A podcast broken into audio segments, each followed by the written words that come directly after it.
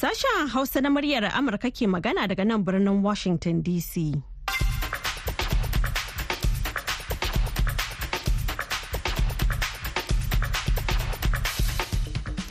Jama'a masu sauraro Assalamu alaikum barkamu da wannan lokaci da fatan an waye gari lafiya. Maryam Dauda ce tare da Hauwa Sharif da sauran abokan aiki.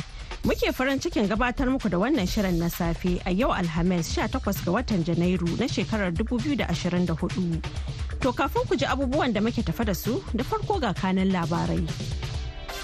da alamun shugaban amurka joe biden da tsohon shugaban amurka donald trump na shirin sake fafatawa a zaɓen shugaban kasa da za a yi a ranar biyar ga watan nuwamba alkalin wata babbar kotun tarayya da ke birnin new york ta yi barazanar korar tsohon shugaban amurka donald trump daga cikin kotu wani jami'in hukumar lafiya ta duniya da ya dawo daga yankin zirin gaza a kwanan nan ya ce sana a hankali tsarin kiwon lafiya na lalacewa a zirin na gaza To madalla a cikin shirin namu na yanzu za ku ji cewa kimanin mutane shida sun rasa rayukansu a garin Okerelu da ke karamar hukumar share a jihar Kwara a Najeriya. Sakamakon wani hari da ake kyautata zato na ramuwar gayya ne biyo bayan kisan wata mata mai sana'ar kuɗi ta POS. Sannan za ku ji cewa wasu al'ummomin lardin zazzau sun yi zanga-zangar nuna bacin rai akan halin kuncin da suka ce suna ciki sakamakon hare-haren 'yan bindiga da suka hana noma da kasuwanci a yankin. mafi akasarin mu yanzu gida bai kwanan wana yan ta'adda ne ke kashe mu kwata-kwata dai wanda ya yi wani ƙarfi ya kashe wani roƙon da muke yi shine a taimake mu da jami'an tsaro a wannan yanki Za ku ji ƙarin bayani nan gaba. A yau ba za mu samu damar kawo muku shirin domin iyali ba, amma a madadinsa za mu kawo muku ra'ayoyin wasu mata a kan sashen Hausa na muryar Amurka yayin da yake shirye-shiryen cika shekaru 45 da kahuwa. Amma yanzu dai sai a gyara zama a saurari labaran duniya kashi na farko. jama'a assalamu alaikum barkanmu da asuba ga labaran mai karantawa hawa sharif da alamun shugaban amurka joe biden da tsohon shugaban amurka donald trump na bisa turbar sake fafatawa a zaɓen shugaban kasa da za a yi a ranar biyar ga watan nuwamba. Ƙuri'un jin ra'ayin jama'a sun nuna yadda trump ɗin ke jan zaren shi sama da dukkan 'yan takarar jam'iyyar republican yayin da babu wani ɗan takara a zo a gani daga jam'iyyar democrat da ke kalubalanta shugaba biden a neman tikitin tsayawa takara na jam'iyyar. To sai dai tana ƙasa tana dabo ga tsohon shugaban amurka donald trump sakamakon matsalolin shari'a da suka dabaibaye shi da shekaru da suka damƙe shi inda yanzu haka yake fuskantar tuhume-tuhume akan manyan laifuffuka har 91 da ake sa ran somawa da akalla da guda ɗaya daga ciki a wannan shekarar. Ga kuma batun lafiya da ka iya haifar da cikas ko dai ga trump ɗin mai shekaru 77 ko kuma shugaba joe biden mai shekaru 81 tambayar da ita ce ko za a iya tilastawa ɗaya daga cikin su ficewa daga takarar bisa dalilan lafiya ko na shari'a ko kuma wasu dalilai na daban. Amsar da ake ganin lokaci ne kadai zai iya amsa ta. A wani labarin makamancin wannan a jiya laraba alkalin wata babbar kotun tarayya da ke birnin new york na amurka ta yi barazanar korar tsohon shugaban amurka donald trump daga cikin kotun a yayin gudanar da shari'ar da ake masa sakamakon tsalma baki da ya riƙa yi yayin da wadda take zargin shi writer e. John carroll ke bayar da shaidar ta a gaban kotun. Carol da yana neman fansa ne daga trump bisa zargin da ta yi masa na bata mata suna bayan da ta zarge shi da lalata a gwamman shekaru da suka gabata. Mai shari'a lewis kaplan ta shaida wa trump cewa za ta soke damar da yake da ita a yanzu a shari'ar muddin ya ci gaba da yin kunnen oshegu da gargaɗin da ake mishi na kama bakinsa na yadda maganganun shi su daina shiga kunnuwan masu taimakawa alkali yanke hukunci su tara. Wani jami'in hukumar lafiya ta duniya da ya dara daga yankin zirin gaza a kwanan nan ya faɗa a jiya laraba cewa sannan a hankali tsarin kiwon lafiya na lalacewa cikin sauri a gaza da ya sa ake buƙatar ƙarin ma'aikata da kayan aiki cikin gaggawa. Jami'in sashen kulawar gaggawa na hukumar lafiya ta duniya sian kase ya shaida wa manema labarai a harabar ofishin majalisar ɗinkin duniya cewa ya gane wa idanunsa yadda tsarin kiwon lafiyar gaza ke rugujewa. Kafe ya shafa makonni biyar a gaza inda ya tafi tun a farkon watan disamba bara ya kuma gana da jami'an kiwon lafiya da marasa lafiya a sassa daban-daban da ke yankin. Ya ce ya riƙa ganin marasa lafiya a duk rana ta allah da ke fama da mummunar kuna da masu karaya da ke shafa sa'o'i ko kwanaki suna jiran samun kulawa da lokuta da dama suka riƙa roƙon shi abinci da ruwan sha. Ana sauraron labaran ne daga nan sashen hausa na murya amurka a birnin washington dc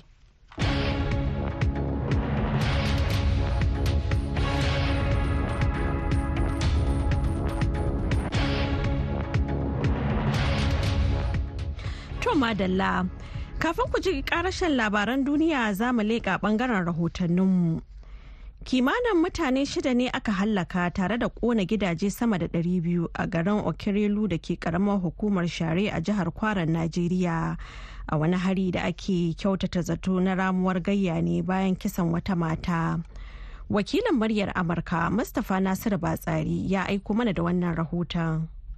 Bayanai dai sun nuna cewa wasu 'yan bindiga ne suka hallaka wata mata mai sana'ar kuɗi wato pos a garin okerelu ta ƙaramar hukumar share al'amarin da ya fusata mazauna yankin suka kuma aukawa filanin da ke zaune a yankin nasu. Kamar yadda wannan wanda ya tsallaka rijiya da baya kuma ya nemi a saka sunansa ya yi ƙarin bayani. Rayukan da aka kashe su ma ba a iya cewa gashi amma dai akwai mutane biyar waɗanda su an ga gawar wakin su gaskiya ramuwar gayya ne suka je yi. Ka gaya min girman ɓannar da aka yi a wurin. To gaskiya girman ɓannar da suka yi wurin nan oga ba da wuya a ce ya misaltu saboda ka ga yanzu ne aka haɗa kayayyaki amfanin gona to duk gidan da suka je za su banka mai wuta ne kawai. Kaman gida nawa ne misali? To gaskiya gidaje a taƙaice dai za su kai gidaje ɗari ko ma fiye da haka. To yanzu wani hali wurin yake yanzu? To yanzu tsajin jami'an tsaro sun shigo abin nan suka ce su filanin su dawo gidajen su za a samu tsaro. To yanzu a lokacin hada wannan rahoto dai rundunar 'yan sanda ta jihar Kwaran ta ce ba ta da cikakken bayani akan lamarin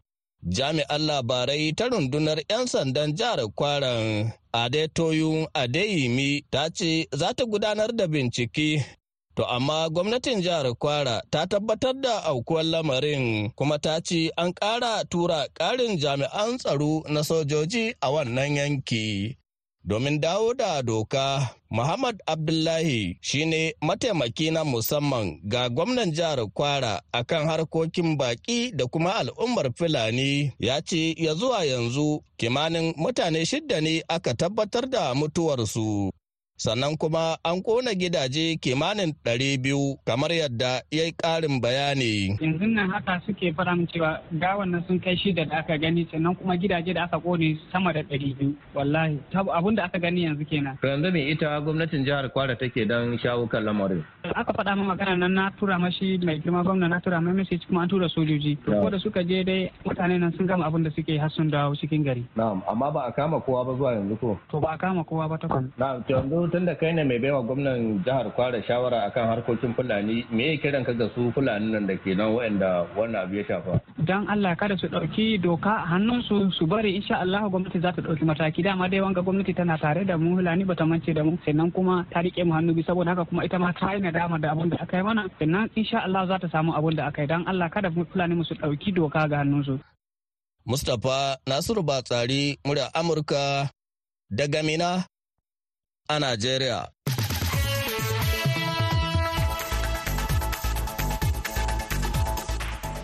Madalla a gaida Mustapha Nasiru Batsari. Shirye-shiryen na zuwa muku ne daga nan sashen Hausa na muryar Amurka a birnin Washington DC. Yanzu kuma ga karashen labaran duniya. amurka na ci gaba da dumfarar mayaƙan hutu da ke yemen inda ta sauya matsayinsu zuwa ƙungiyar ta'addancin duniya da ta kira ta musamman ko kuma sdgt biyu bayan makonni da mayaƙan suka shafe suna kai hare-haren makamai masu linzami da na jirage marasa matuƙi a kan jiragen ruwan ƙasashen duniya da ke tafiya ta kogin bahar maliya. Yunkurin ya biyo baya ne shekaru uku bayan ayyana mayaƙan hutun a matsayin ƙungiyar 'yan ta'adda inda daga bisani aka cire su bisa dalilan jin kai da dora da maimaita kiraye-kirayen amurka da sauran ƙasashe ga mayaƙan na hutu na su daina kai hare-haren da suke kaiwa kan jiragen ruwan kasuwanci. Mayakan hutun dai sun yi biris da wannan buƙata inda suka ci gaba da kai hare-haren duk da jerin hare-hare ta sama da amurka da birtaniya suka riƙa kaiwa domin lalata hanyar da suke bi wajen kaddamar da hare-haren nasu. An kashe mai gabatar da karar da ke binciken wani harin bindiga mai ban ta aljibi da wata ƙungiyar 'yan bindiga ta kai a makon jiya a gidan talabijin ɗin ƙasar ecuador yayin gabatar da wani shiri kai tsaye ta harbin bindiga a jiya laraba cewar babban mai shari'ar ƙasar. Wata majiya daga ofishin mai gabatar da kara ta shaida wato kafar labaru ta afp cewa cesar suarez ne ke aikin gano ƙungiyar 'yan bindigar mai ɗauke da muggan makamai da ke da alhakin kai harin ta'addancin da aka kai a gidan talabijin ɗan ƙasar na tc television da ke birnin guayaquil da ke kusa da ruwa. Kamfanin labaran na afp ya nuna hotunan motar suarez da yadda aka ma gefen direban kace-kace da harbin bindiga akan wani titin birnin da ya kasance ce cibiyar yaƙi tsakanin ƙungiyoyin da ke tu'ammali da ƙwayoyi da ke tashi a ƙasar ta ecuador.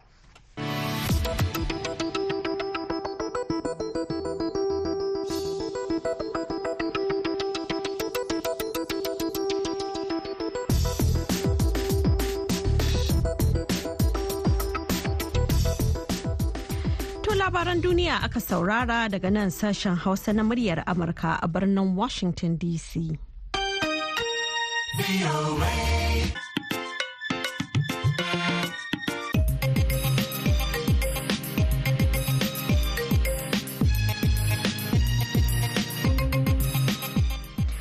yanzu kuma za mu sake komawa ɓangaren rahotanninmu. Wasu al'ummomin lardin birnin zazzau sun yi zanga-zangar nuna bacin rai kan halin kuncin da suka ce suna ciki sakamakon hare-haren 'yan bindiga da suka hana noma da kasuwanci a yankin baki ɗaya. Dubban masu zanga-zangar dai sun taru ne a ƙofar fadar mai martaba sarkin zazzau don bayyana abubuwan da ke damunsu. Daga Kaduna, wakilin muryar Amurka Isa Lawal Ikara ya aiko mana da wannan rahoton.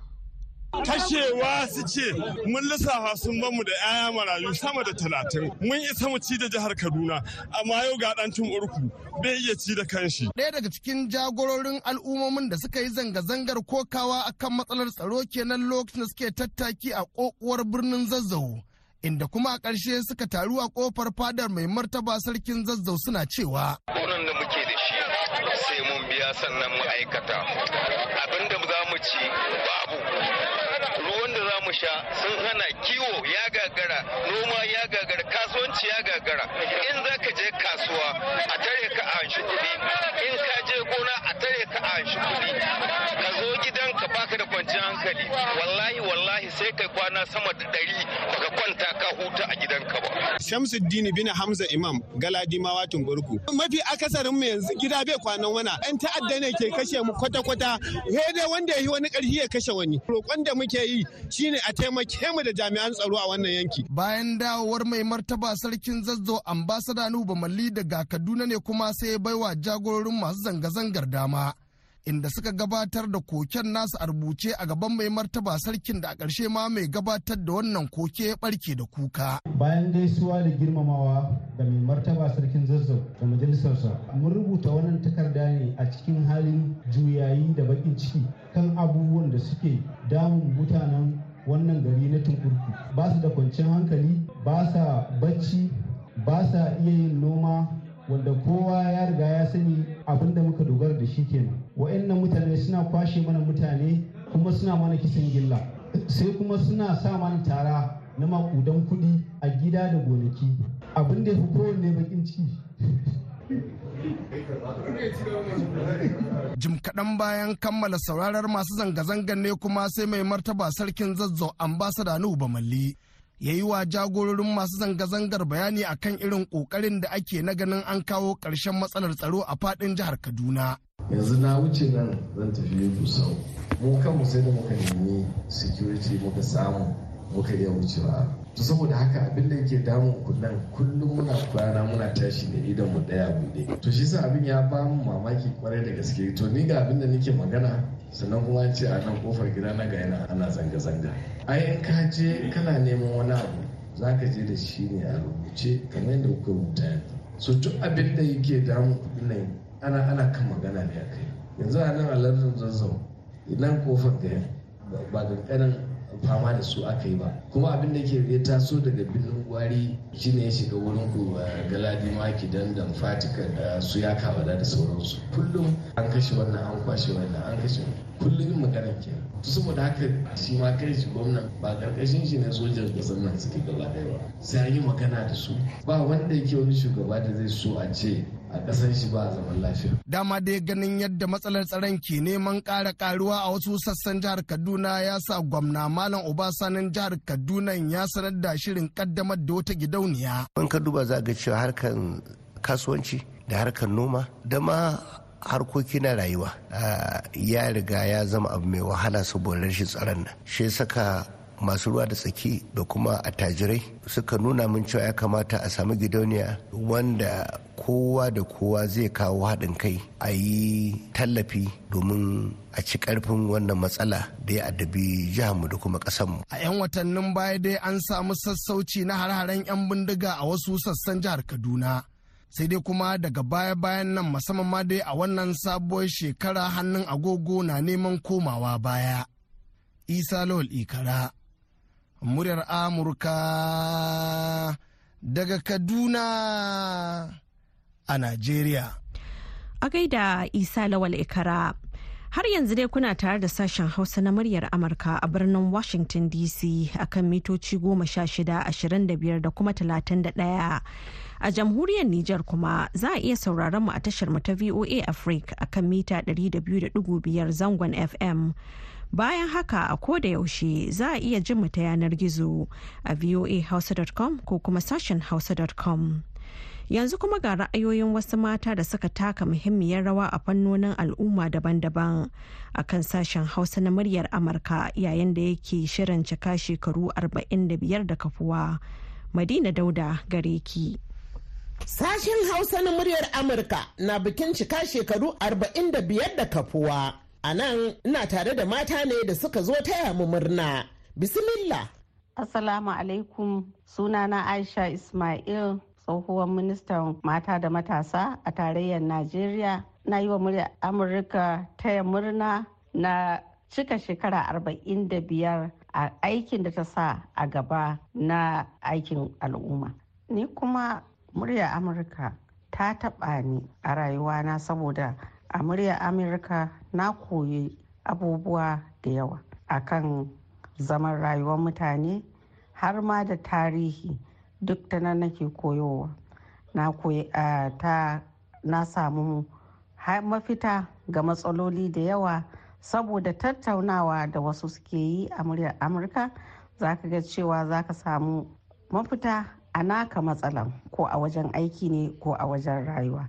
Tabbas muryar amurka babbar tica ta zama a wurina. Saboda haka hanya ce ta gyara zaman mutane ta gyara rayuwar mutane. Na fata muryar amurka za ta ci gaba da wannan gagarumin aiki da take yi na al'umma kuma za ta ci gaba da taba mana rayuwarmu a manufa nagari manufa mai kyau. Mun gode mun gode mun gode. Sunana malama pauline talen tsohuwar minista tsohuwar deputy governor. Na taya murna. Na ji daɗi ƙwarai kuma na tuna na yarinya. Babana baya wasa da rediyo kuma kullum zai kunna voice of america. So nakan zauna an ji kuma nakan ji sashin mata da ake yi ɗin nan. Wannan kuma da yake ni mace ne mai kishin ina ji daga rediyon babana. Yau ina farin ciki kuna shirin bikin shekaru 45 wai wai wai wai wai. To tun lokacin na shekara 20 kenan. Nake sauraron sashen hausa na voice of muryar america. Congratulations. Na taya ku murna. Kuma wannan sashen hausa na voice of america ta taimaka wa mata da yawa. Ni musamman. Na samu karuwa da wayewa ƙwarai daga wannan sashen hausan da na kan ji a rediyon babana tun na yarinya. Rediyo ai ita ce babban waye da kan jama'a musamman kan shanin cin zalin mata wato gender based violence da irin mungayen halayen da ake wa mata da yara ƙanana maganan fyaɗe da dukan mata da cin zalin mata duka. Rediyo na tafi waye da kan jama'a fiye da talabishin kuma mutumin karkara yaushe yake zai zai samu lokaci ya samu wuta ma har ya kalli talabishin amma rediyo kullum yana kunninsa saboda haka ina taya ku voice of america da wannan bikin da za a yi na shekara 45 na daga muku tuta hannunku. Na kuma roki allah ya ci gaba da baku zarafi da ƙarfin gwiwa a wannan aikin da kuke ciki. Salamu alaikum wa rahmatullahi wa barakatuhu. Sunana Mariya Ibrahim Baba. Muryar Amurka VOA Hausa. Ina cikin waɗanda tun sanda aka assasa wannan gidan rediyon. Ina yawo da rediyo na ina kunnawa ina ji ya zama mini makaranta don na samu ilimi da yawa a cikinsa don wani abun ba zai yiwu a ce ka karanta komai ba. Amma shi rediyo abu ne wanda zaka ɗauka duk inda kake zaka kunna. VOA Hausa yana gaba ma zan ce da duk wani gidan rediyo da nake saurara a rayuwata. Dai yanzu na ba shekara saba'in baya at least na samu shekara kusan arba'in da wani abu. Ina sauraron wannan gidan rediyon. Ya kasance wajen samun ilimi a wurina da sanin abubuwan da ke faruwa a kowane lokaci a bangon duniya. Inda zaka kunna wannan tashar ta voa to zaka san menene ke faruwa a ko ina ba. Ni rabo na dan karanta jarida ma ni na manta. Saboda da na kunna ko na safe ko na rana ko na yamma na kan tsinci wani abu. Kuma yanzu da yake kun assasa ma idan mutum bai na safe ba saboda wasu dalilai zai iya tuntuɓa daga baya ya jawo ta. Abinda aka yi wuce program da kuka yi news ko wani abu da kuka yi kuka yada mutum zai iya kunnawa ya saurara. Na tara abubuwa da yawa yanzu ina da su a tare. Na hada a wani wuri inda ake tara irin wa'annan abu da kake da sha'awa. Suna nan wani lokaci na kan kunna in tuna baya in ji. Gaskiya fi sabilillahi Allah ubangiji ya yi wa wannan gidan rediyo albarka. Allah ubangiji ya taya ku riko Allah ya ba da shekaru masu amfani. Ku ci gaba da abin da kuke yi kuna ƙoƙari Allah ubangiji ya taimake ku. Masha Allah. Ma'assalama Jama'a assalamu alaikum sunana mama Balaraba Abdullahi yar gwagwarmaya mai kwato mata da yara ƙanana yancin ina taya sashen Hausa na muryar Amurka murna da kuma cika shekara arba'in da biyar dindin da ta yi a ƙasashen Afirka da kuma duniya da kewayenta baki ɗaya. Ina mai matukan farin ciki da na samu shiga cikin wannan waje domin wannan gidan rediyo matuƙa ta ba mu tallafinta da taimako gaya ta ko'ina ta kowane sashi wanda a koda yaushe tana alfahari ne akan ta ga ta faɗakar da wayar da kan mata da karkara ne cikin garuruwa ne da ainihin ma birane. Misalai zan bayar duk wani tallafi da za ta bayar a rayuwarta ta yi mutanen cikinta sun yi ƙoƙari saboda a yaushe wayar da kai wajen siyasa wayar da kai wajen karkara da yadda za a zauna a yi mu'amala da mutane yau da kullum da hanyar kasuwanci da faɗakar da mata yadda za su zauna rayuwarsu ta inganta da mazajensu da iyalansu baki ɗaya. To ina mai alfahari da wannan gida naku mai matukan albarka wanda kuma ina fatan za ta ci gaba da samun karuwan tallafi da take wa mutane na nuna musu da jajircewa da kwazo da su ma'aikatan cikinta suke yi su kuma yi ƙoƙari akan irin kwazo da suke nuna mutanen afirka da kuma ƙasashen duniya baki ɗaya domin ina mai tabbatar muku duk inda kuke tunani sashen hausa na muryar amurka ta wuce nan. Cikin nijar ne ko ina ne aka shiga yanzu ga ni a nan ina kusa da nijar ne amma kuma duk abin da take ina sauraron ta. Kowane lokaci kuma tana ba da muhimmanci ne akan duk wani rayuwa yadda za a inganta rayuwar dan adam. Da fatan ubangiji Allah ya maimaita mana ya kuma ƙara muku lafiya ku ma'aikatan ya sa muku albarka da zuri'an ku sannan kuma su waɗanda suka kirkiro suka yi wannan gidan rediyo domin su faɗa faɗakar da mutane ubangiji Allah ya saka musu da alkhairi. Mun gode sosai Allah ya ƙara rufe asiri kuma Allah ya bar zumuncin tare. Muna fatan alkhairi duka baki ɗaya wasalam ni ce balaraba abdullahi maman gwagwarmaya ta mata na karkara da na birane da kuma yara ƙanana. Sunana Maimuna Abubakar ni ce shugabar gidan talabijin da mujallar Tozali. Na farko muna taya sashen Hausa na muryar Amurka murnan cika shekara 45. A na biyu kuma mun daɗe muna bibiyan VOA ne ina kyautata tunanin tun da na yi wayo na san akwai voa yana cikin watan gidan rediyon da nake bibiya saboda irin rahotanni da ake kawowa masu faɗakarwa da nishadantarwa wata rana wata rana kuma hadda ma ilmantarwa. So da a wannan dalilin ya sa muke bibiyar tashar voa yanzu kuma da kuka cika shekara 45 muna taya ku murna. Kuma dama to zalima affiliate ɗinku ne. To mun gode. Madalla a gaida Madina Dauda da waɗannan hirarraken yanzu kuma ga wannan saƙon.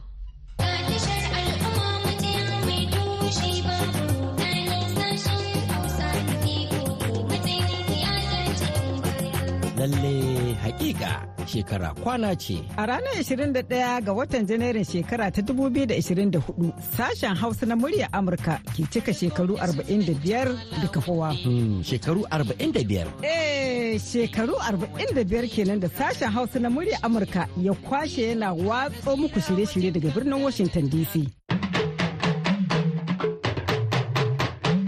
Kamar kullum wannan karon ma mun yi sauye-sauye a tsarin shirye-shiryenmu domin daidaicewa da zamani da kuma biyan bukatun ku masu saurare. Mun fito da wasu sabbin shirye-shirye na rediyo da suka hada da daga kawayenmu. Zamantakewa da Allah ɗaya gari bamban.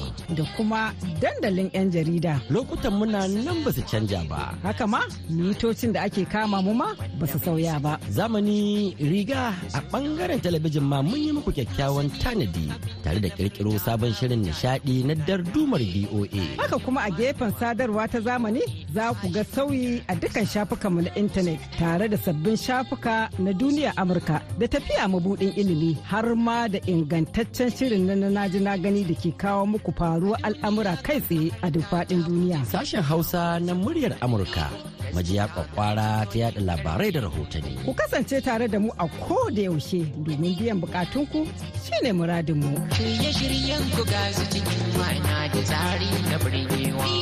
Ilimantar da al'umma kuma ga nishadi wajen kowa. BOA suna faɗakarwa duniya har da sadarwa. Fahimtar so da yanzu dai shirye-shiryen na zuwa muku ne daga nan sashen Hausa na muryar Amurka a birnin Washington DC akan mitoci goma sha shida, ashirin da biyar da kuma talatin da ɗaya. Agogon mu a nan birnin Washington na cewa ƙarfe sha biyu da minti ashirin da shida. Yanzu kuma ga labaran duniya amma wannan karan a taƙaice.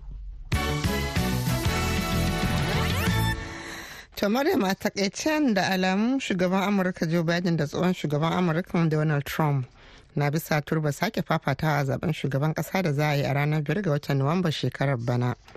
Ƙuri'un jin ra'ayin jama'a sun nuna yadda Trump ɗin ke jan zaren shi sama da dukkan 'yan takarar jam'iyyar Republican. Yayin da babu wani ɗan takara a zo a gani na jam'iyyar Democrat da ke kalubalanta shugaba Biden a neman tikitin tsayawa takara a jam'iyyar. A wani labarin makamancin wannan a jiya laraba ne alkalin wata babbar kotun tarayya da ke birnin new york na amurka ta yi barazanar korar tsohon shugaban amurka donald trump daga cikin kotu a yayin gudanar da shari'a da ake masa sakamakon tsima baki da ya riƙa yi yayin da wadda take zargin shi writer e. Jean carroll ke bayar da shaida ta a gaban kotun. Carol da yana neman fansa ne daga trump bisa zargin da ta mishi na bata mata suna bayan da ta zarge shi da lalata wato a zargin da ta mishi da lalata a gwamman shekaru da suka shige. Wani jami'in hukumar tafiya wato lafiya ta duniya da ya dawo daga yankin zirin gaza a kwanan nan ya faɗa a jiya laraba cewa sannan a hankali tsarin kiwon lafiya na lalacewa cikin sauri a gaza da ya sa ake buƙatar ƙarin ma'aikata da kayan aiki cikin gaggawa. Jami'in sashen kulawar gaggawa na hukumar lafiya ta duniya sin kese ya shaida manema labarai a harabar ofishin majalisar ɗinkin duniya cewa ya gane ma idanunsa yadda tsarin kiwon lafiya a gaza ke rugujewa. Kasi ya shafi makonni biyar a gaza inda ya tafi tun a farkon watan disambar bara ya kuma gana da jami'an kiwon lafiya da marasa lafiya da dama a sassa daban-daban na yankin. Amurka na ci gaba da dumfarar mayaƙan hutu da ke yemen inda ta sauya matsayinsu zuwa ƙungiyar ta'addancin duniya da ta kira ta musamman ko kuma sdgt biyu bayan makonni da mayaƙan suka shafe suna kai hare-hare na makamai masu linzami da na jirage marasa matuki akan jiragen ruwan ƙasashen duniya da ke tafiya ta kogin bahar maliya. Yunkurin ya biyo baya ne shekaru uku bayan ayyana mayaƙan hutun a matsayin ƙungiyar 'yan ta'adda inda daga bisani aka cire su a jerin bisa dalilan jin kai da ya dora da maimaita kiraye-kirayen amurka da sauran ƙasashe ga mayaƙan hutun na su daina kai hare-haren da suke kaiwa kan jiragen ruwan kasuwanci a kogin na bahar maliya To ma sauraro da haka muka kawo ƙarshen shirinmu na wannan lokaci sai kuma an jima da hantsi za ku ji mu ɗauke da wani sabon shirin. A madadin hawa sharif da ta taya na gabatar da shirin da daɗi balawe wanda ya hada shirin da ba da umarni da ma injiniyan mu charleston ni maryam dauda ke cewa ku huta lafiya.